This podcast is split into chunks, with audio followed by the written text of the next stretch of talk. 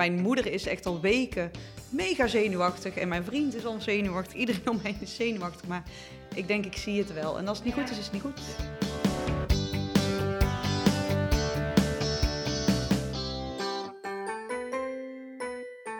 Welkom in week 7 van jouw zwangerschapsweek. De podcast van 24baby.nl over elke week van je zwangerschap. Ja, ik kan echt, uh, dan sta ik 's ochtends op en dan denk ik, nee, ik ben hier nog niet klaar voor. Ik moet echt nog drie uur slapen. Week 7. Voor veel zwangeren is het een onzekere periode, want zou het nou allemaal wel goed gaan daarbinnen? Waar de ene vrouw nu al gebukt gaat onder kwalen, fietst de ander er nog fluitend doorheen. En die wordt daar dan weer onzeker van. Ik heb toch al geïnvesteerd in nog een paar zwangerschapstesten. Ja, je kan je hond beroerd voelen en nou ja, het toch misgaan. Uh, en je kan echt nergens last van hebben. En bewijzen van er ook negen maanden vlieren fluitend doorheen gaan. We hebben deze aflevering over bekende kwalen. Pijnlijke borsten, hoofdpijn, vermoeidheid hoor ik heel veel. En de kwalen die wat minder vaak over de tong gaan. Maar ik loop ook zo snel, zo snel als dat ik vol raak ook weer leeg. dat gaat heel uh, gemakkelijk. Hoe ga je met al die ongemakken om?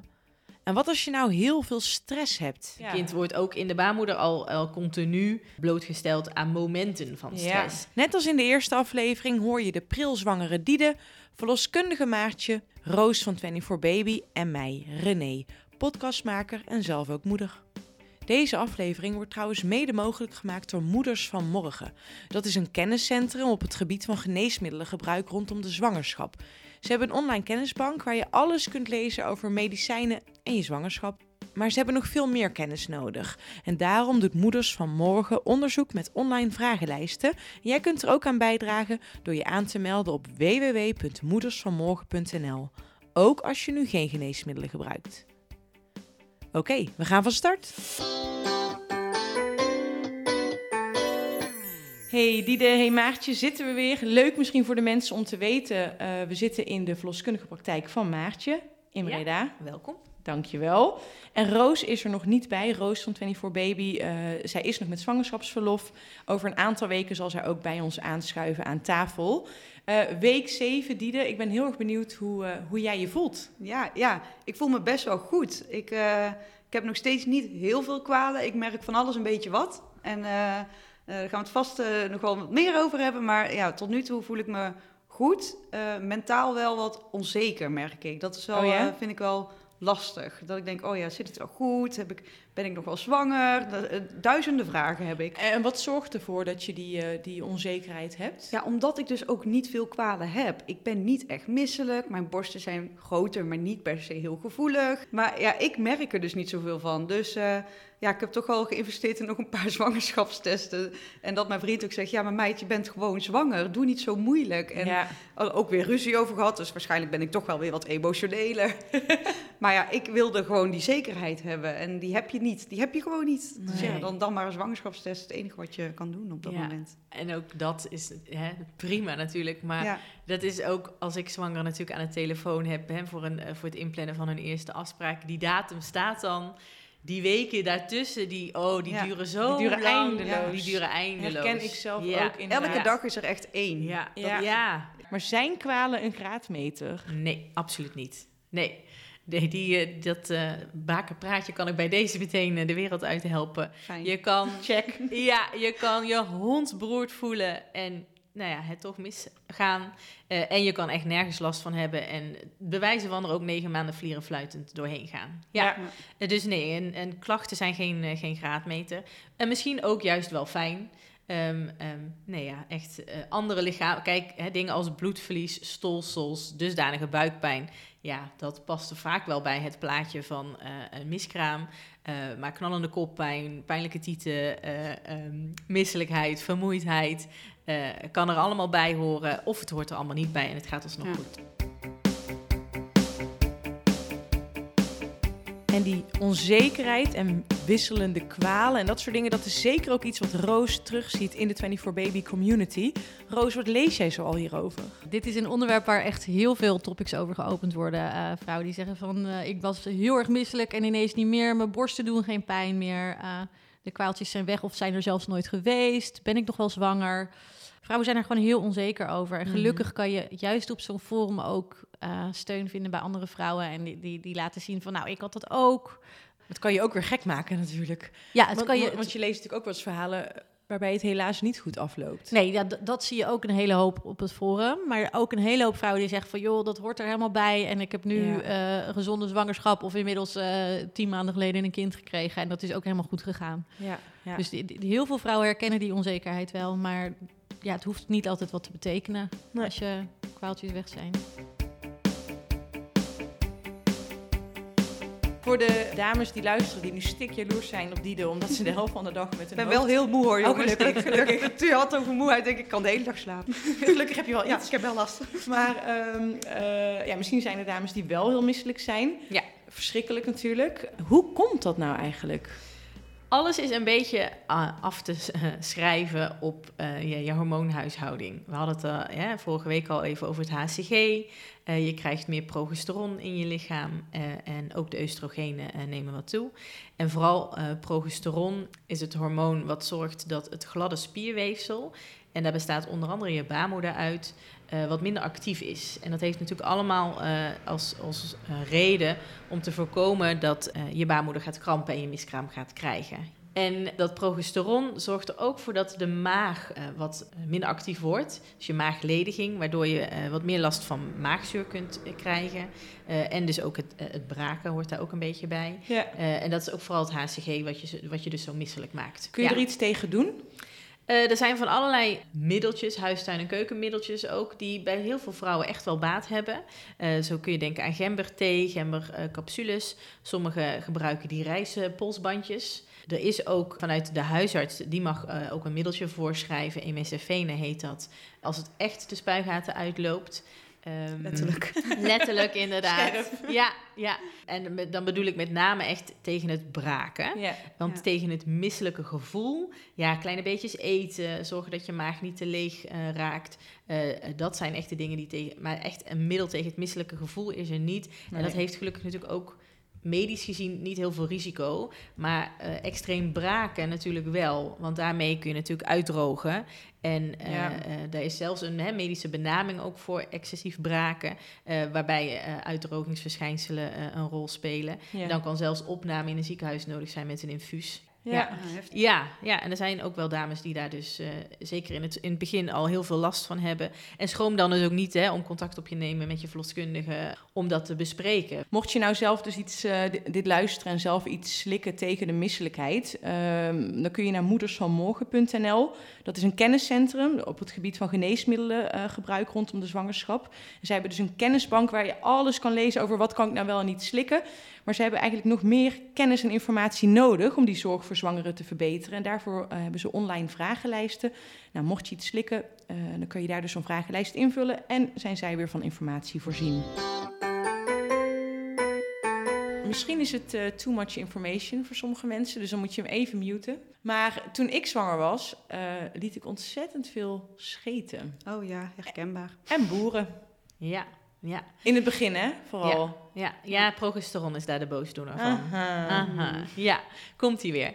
Eh, nee, progesteron eh, legt ook heel veel spieren in je lijf eh, tijdelijk wat plat.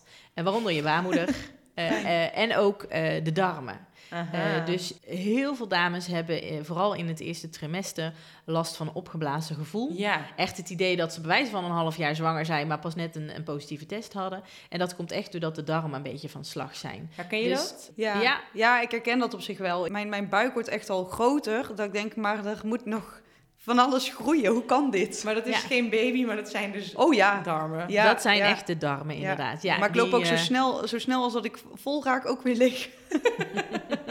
dat gaat heel eh, gemakkelijk. Ja, makkelijk naar de wc gaan, eigenlijk een dunnere ontlasting dan gewend. Eh, wat je net al zelf zei, eh, René, is hè, wat, wat, wat onaangename eh, geur eh, als je eh, windjes moet laten en wat vaker moet winden. Dat zijn eigenlijk allemaal wel eh, eh, kwaaltjes die toe te schrijven zijn aan eh, progesteron. Bedankt dus, progesteron. Hoe leeft dat met die kwalen in de 24 Baby community? Ik vroeg het Roos. Ja, eigenlijk hoor je heel veel verschillende kwalen in die eerste weken. Uh, die vertelde dat ze een hele opgezette buik had. Er zijn ook al vrouwen die beginnen ook al buikfoto's te maken. Want die zeggen van, het is toch wel... Uh, het is misschien niet de baby, maar het is toch de, de zwangerschap... waardoor mijn buik Oh, zo ja. opgezet is. Ik hoor ook misselijkheid, uh, mood swings. Dus, dus de partners krijgen het wel zwaar te verduren. Pijnlijke borsten, hoofdpijn, vermoeidheid hoor ik heel veel. Ja, er komt echt van alles voorbij. Ja, dus als je luistert en je hebt dit, het is dus allemaal heel normaal. Het is normaal, het hoort erbij. Het maakt het niet makkelijker, maar het hoort erbij. Nu herinner ik me iets uit mijn eh, begintijd van mijn eh, zwangerschappen. Ik was erg gefocust op die kwaaltjes. Ik heb één miskraam gehad en daarna word je toch eh, angstiger, zeg maar. Zeker. En ik dacht toch dat kwaaltjes een graadmeter waren. En dan eh, waren mijn borsten het meest duidelijk. En ehm, mijn vriend moest me er af en toe op wijzen dat ik wel regelmatig ook in het openbaar even voelde. Zijn ze nog gevoelig? Gespannen, ja. ja. Ja, is dat iets wat jullie herkennen of ben ik de enige freak? Nee hoor, ik had ja, daar nee, ik denk dat jij... Nee. Nee, nee, ik had daar ook inderdaad wel last van. Ja, maar ik moet je zeggen, ik merk dat eh, sowieso wel als ik ongesteld ga worden, dat die borsten ook wat gevoeliger zijn. Dus eh, zeker als je dan inderdaad een kinderwens hebt, dat je denkt van, oh, mijn borsten worden alweer wat gevoeliger. Zou het deze maand wel of niet zo zijn? Ja, dat en dat maakt je ook gewoon, nou zeker met een miskraam of meerdere miskramen in je voorgeschiedenis natuurlijk wel heel erg onzeker. Ja, ja. ja. Zelfs ik, als gewoon- verloskundige herken dat. Ja. Ja. ik check gewoon, blijven ze groeien? ja. Gaat dat nog goed? Maar dat stopt denk ik ook hopelijk op een gegeven Ja, en dan op moment. het einde komt het weer, maar daar gaan we het later over Oké.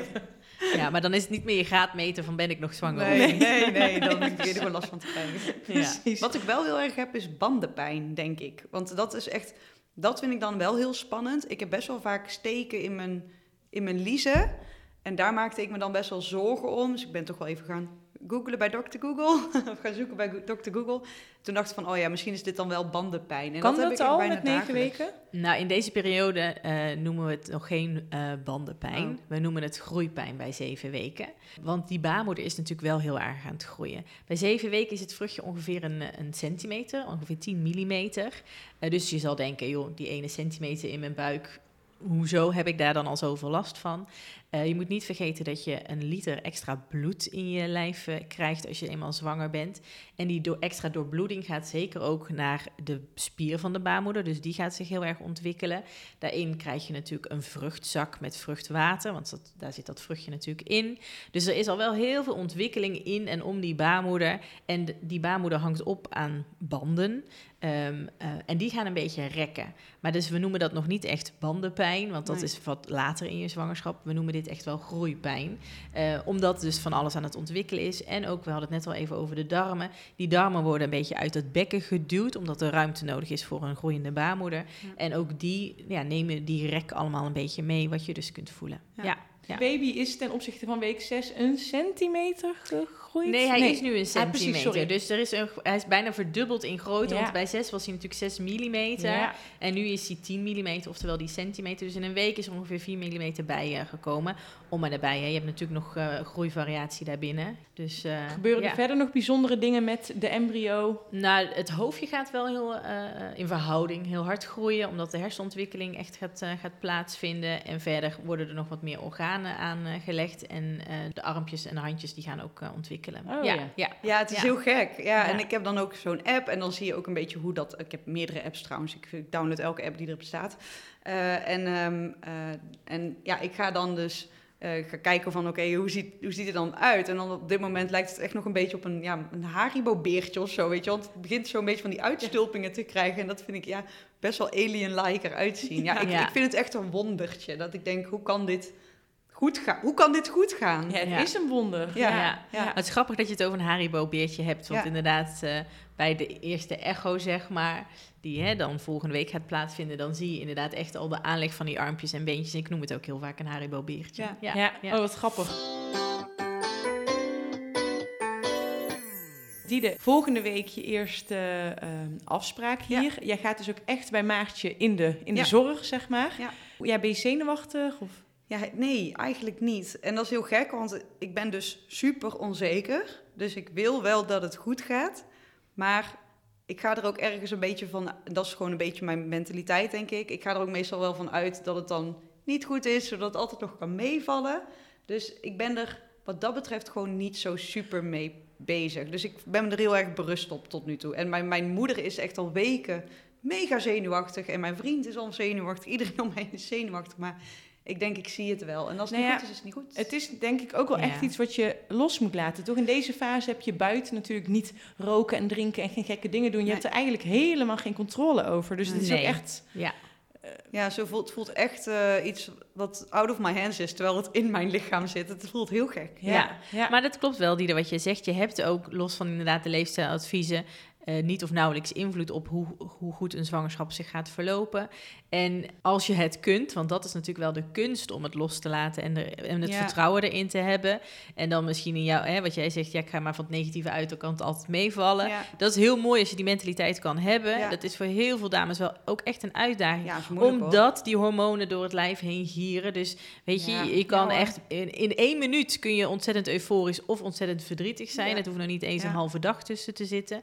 Dus dat, dat maakt het voor ook Ja. heel veel eh, ja, zwangeren wel extreem lastig. Ja. Dat vertrouwen erin te Je houden. moet jezelf echt soms bewust terug op je plaats zetten. Dat heb ik dus ook hoor. Dus Ja, ik heb wel ja. die mentaliteit, maar ja. Tuurlijk. tuurlijk, heb je je valkuilen. Dus nou ja, en ik, ik wou net zeggen eh, dat. En eh, gelukkig zijn er ook nog allerlei andere dingen die je dagelijks bezighouden, zoals werk. Nou, dus dat je er niet elke minuut van de dag mee bezig hoeft te zijn. En wat ik nog wilde zeggen is dat te veel stress natuurlijk is ook niet goed. Ja, maar daar kreeg ik dus weer stress van. Ja. Door heel tijd te horen dat ik niet mocht stressen. ja, dacht ik, was ik weer bang dat ik te veel stresste en dat Oh, ik ja. zo weer... eh, dus Ja. hoe zit dat? Hoe zit dat met stress? Stress, kortdurende stress, is, eh, is, hoort bij het leven. Hoort ook bij het, zijn, het feit dat je zwanger bent. Dus een Ja. kind wordt ook in de baarmoeder al, al continu blootgesteld aan momenten van Ja. stress. Kijk, langdurige stress Wat is, langdurige stress? Langdurige stress moet je echt denken aan thuis zitten met een burn-out. Ja. Dusdanig depressieve klachten dat je niet meer eh, normaal kunt functioneren. Maar waarom kan dat slecht zijn voor de embryo? De precieze oorzaak kan ik je niet vertellen. Want die is nog niet Want dat is gewoon, nee, daar is eh, vrij weinig onderzoek naar gedaan. Eh, maar het heeft onder andere, het kan negatieve invloed hebben op de groei. Dus een, een Ja, ja. kindje kan achterblijven in groei. Ja, Ja. ja. Dat is een van de grootste negatieve kanten. Dus van- in ieder geval, als het lukt, proberen om... eh, Mocht je merken dat je langdurige stress hebt... is het goed om daar misschien eh, te onderzoeken hoe je daar, mee, hoe je daar iets aan kan doen. Kijk, en de meeste mensen, als ik bijvoorbeeld naar mijzelf kijk, ik ben zwanger geworden terwijl ik thuis zat met een burn-out. Oh, kijk. Ja, dus nou ja, zelf ben ik niet het goede schoolvoorbeeld eh, van hè, geen stress hebben tijdens een zwangerschap. Ik zat natuurlijk thuis, maar ik zat wel met een, een vangnet van een psycholoog, een coach. Ja. Ik was daar wel mee bezig natuurlijk. Eh, dat- scheelt natuurlijk ook al heel veel. En wat ik al zei, kortdurende stress heeft iedereen. Je kan wel eens een paar weken hebben op je werk dat je moet knallen of niet lekker Ja. zit met een collega. En dat is logisch. Helaas eh, hoort bij het komen van nieuw leven ook wel eens dat iemand overlijdt natuurlijk. Ik heb ook wel eens zwangeren die voor me zitten waar ineens een, een ouder van te, komt te overlijden. Ja, dat is natuurlijk heel stressvol. En het, het is juist goed dat je in zo'n situatie ook emotie hebt en nou ja, kortdurend die stress ondervindt, want dat hoort bij het leven. Het is, ik zeg altijd, het is een normale reactie op een abnormaal event, want liever heb je niet dat iemand overlijdt. En dat, dat hoort bij het leven inderdaad, en dat Ja. is ook normaal. Ja. Hebben jullie nog eh, een tip voor eh, vrouwen die luisteren, die ook in week 7 zitten en toch merken dat ze het heel spannend vinden om waarschijnlijk volgende week, hè, dat geldt natuurlijk niet voor iedereen, maar voor veel zwangeren geldt dat ze in week 8 voor de eerste keer naar de verloskundige gaan. Hebben jullie nog een tip hoe ze kunnen dealen met zenuwen? Of, een, Ja. of een leuke gedachte die ze, Ja. waar ze zich aan kunnen vaststellen? Nou, ik vond het wel fijn om gewoon je zenuwen en alle negatieve gedachten gewoon maar op tafel te leggen bij mensen. Bijvoorbeeld je moeder of, Ja. Of nou, mensen waarvan je denkt van, oh, dit zijn positieve mensen om mij heen. Eh, of die daar misschien wel ervaring mee hebben gehad. Dan is het altijd fijn om daarover te praten. Dat merk echt. Zeker. Als je, als je erover praat, dan, ligt, dan is het gelijk van je af. Ja. En dan zijn er hopelijk Goeie. mensen die tegen je zeggen... meid, maak je niet zo druk. Je, kunt er nu toch geen, je hebt er geen invloed op. Je hebt nu ook geen bloedingen. Dus hè, maak je gewoon tot nu toe gewoon geen zorgen... en wacht gewoon tot die eerste echo. En als het Ja. goed is, is het goed. En als het niet goed is, dan doe je het nog een keer. Dat is, ja, dat is een beetje zo wat, wat mijn moeder ook tegen me zei. Mooi. Ja, ja ik, de- ik denk dat, wat die er ook zegt. Ja. En als je echt ontzettend zorgen maakt, ja, ik zou afraden om juist te gaan googlen, want hè, dat geeft soms juist meer spanning dan dat het eh, eh, weghaalt. Als je echt gewoon even eh, deskundig advies wil hebben, ja, waarom bel je verloskundige niet. Hè? Ik bedoel, Ja. die is er ook op het moment dat je jou aanmeldt bij haar voor, even ervan uitgaan dat het een haar is, je aanmeldt voor zorg, eh, is zij jouw verloskundig zorgverlener. Ja. Ook al heb je er nog niet fysiek gezien, ook al is het nog eerder dan je eerste afspraak, bel haar laagdrempelig om even advies in te winnen. Ja hoor, ja. En daarmee sluiten we de week af. Dank jullie wel. Op Dankjewel. naar volgende week. Spannend, eh Diede. Ja, leuk. En leuk. Ja, heel leuk. Ik heb er zin in. Goed zo. Nou, tot volgende week. In de volgende aflevering van jouw zwangerschapsweek Ja, het eerste wat je denkt is, misschien is dit wel het begin van iets. Dus ja, dan wacht je gewoon maar even af. hoor je dat week 8 voor Diede een spannende is. En bij de eerstvolgende had ik weer nergens last van. Dus toen dacht ik, oké, het zet niet door en eh, er is niks aan de hand. En we hebben het over de eerste afspraak bij de verloskundige. Wat kun je er precies van verwachten? Vaak even aftasten, wie heb ik tegenover me zitten? Hoe ben je zwanger geworden? Heeft het lang geduurd? Ben je überhaupt eh, zenuwachtig inderdaad voor deze eerste afspraak? Leuk dat je luisterde naar week 7 van jouw zwangerschapsweek. De podcast van 24 Baby die je week voor week door je zwangerschap loodst. Wil je nog meer horen of meepraten met andere vrouwen die net zo lang zwanger zijn als jij? Ga dan naar 24baby.nl of download de gratis app. Mijn naam is René en je hoort me volgende week in week 8.